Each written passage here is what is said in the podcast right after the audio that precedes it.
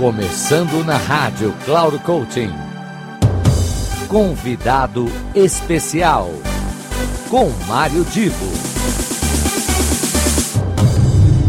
Alô, alô, queridos amigos da Rádio Cloud Coaching, aqui é Mário Divo e mais uma vez estamos com uma pessoa especial, uma convidada especial, que a Juliana Poloni, desta vez eh, falando sobre um tema muito importante, que é a questão do convívio das pessoas. Quanto mais você convive com alguém, mais você precisa estar em conexão com essas pessoas, porque é exatamente esta boa conexão que vai fazer com que ah, haja uma relação, um relacionamento muito mais saudável, muito mais propositivo.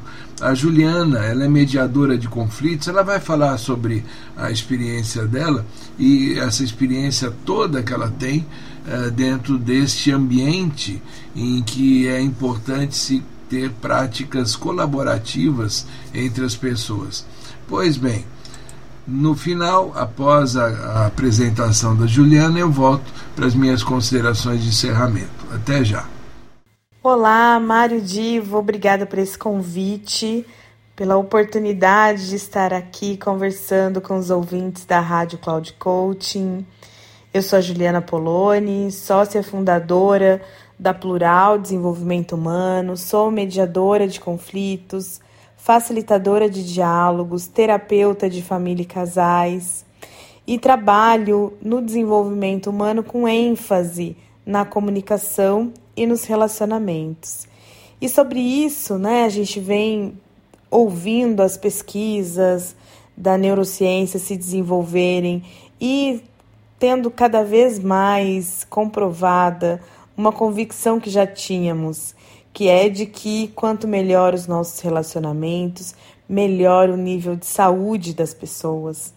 E é com isso que eu trabalho, cada dia da minha vida dedicado a contribuir com as pessoas, ajudar as pessoas a viverem nos seus relacionamentos, desenrolando conversas difíceis, conseguindo expressar suas necessidades, conseguindo fazer pedidos, escutando de uma forma mais qualificada, levando essa relação tanto a relação familiar quanto a relação de equipes de trabalho, são os meus dois focos, meus dois espaços onde eu mais trabalho, tanto com as famílias quanto com as equipes, lugares onde as pessoas convivem muito, as pessoas compartilham momentos importantes, momentos de tomada de decisão, momentos de crise, momentos de resolução de problemas.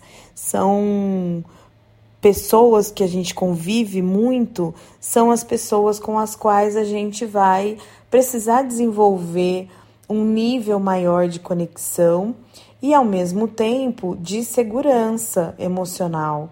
Então, são espaços que normalmente, quando essa segurança emocional não existe, onde as pessoas se sentem não pertencentes, onde mais vai doer para elas viver isso.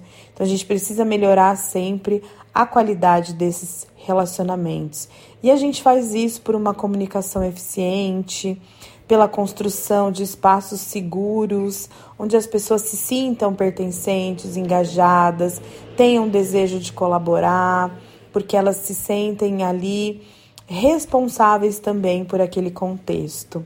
Então, esse meu trabalho me dá muito prazer, não só porque eu gosto do tema, gosto de me envolver com as pessoas, mas principalmente porque eu sei que trabalhando essas questões a gente consegue levar qualidade de vida.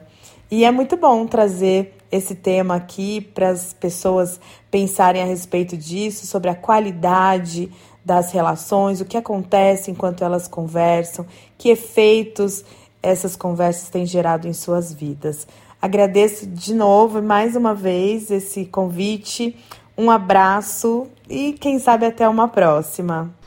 Muito, muito, muito legal tudo isso que a Juliana falou. E agora eu deixo ao ouvinte da Rádio Cláudio Couto uma pergunta: Como é que você avalia o seu relacionamento actual ou os seus relacionamentos actuaes eh, dentro deste contexto que a Juliana descreveu.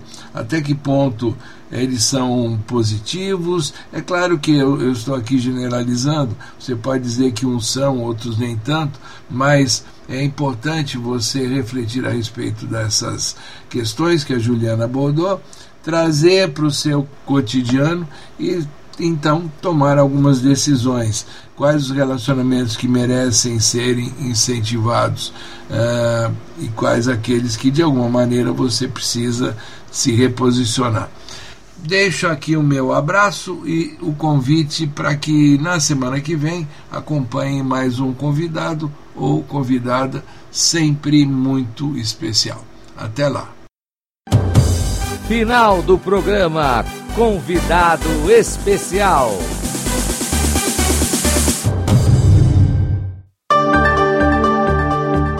Se ligue!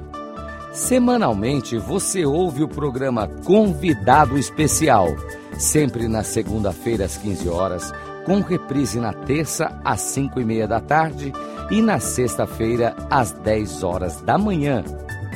Quem será nosso convidado? ou nossa convidada.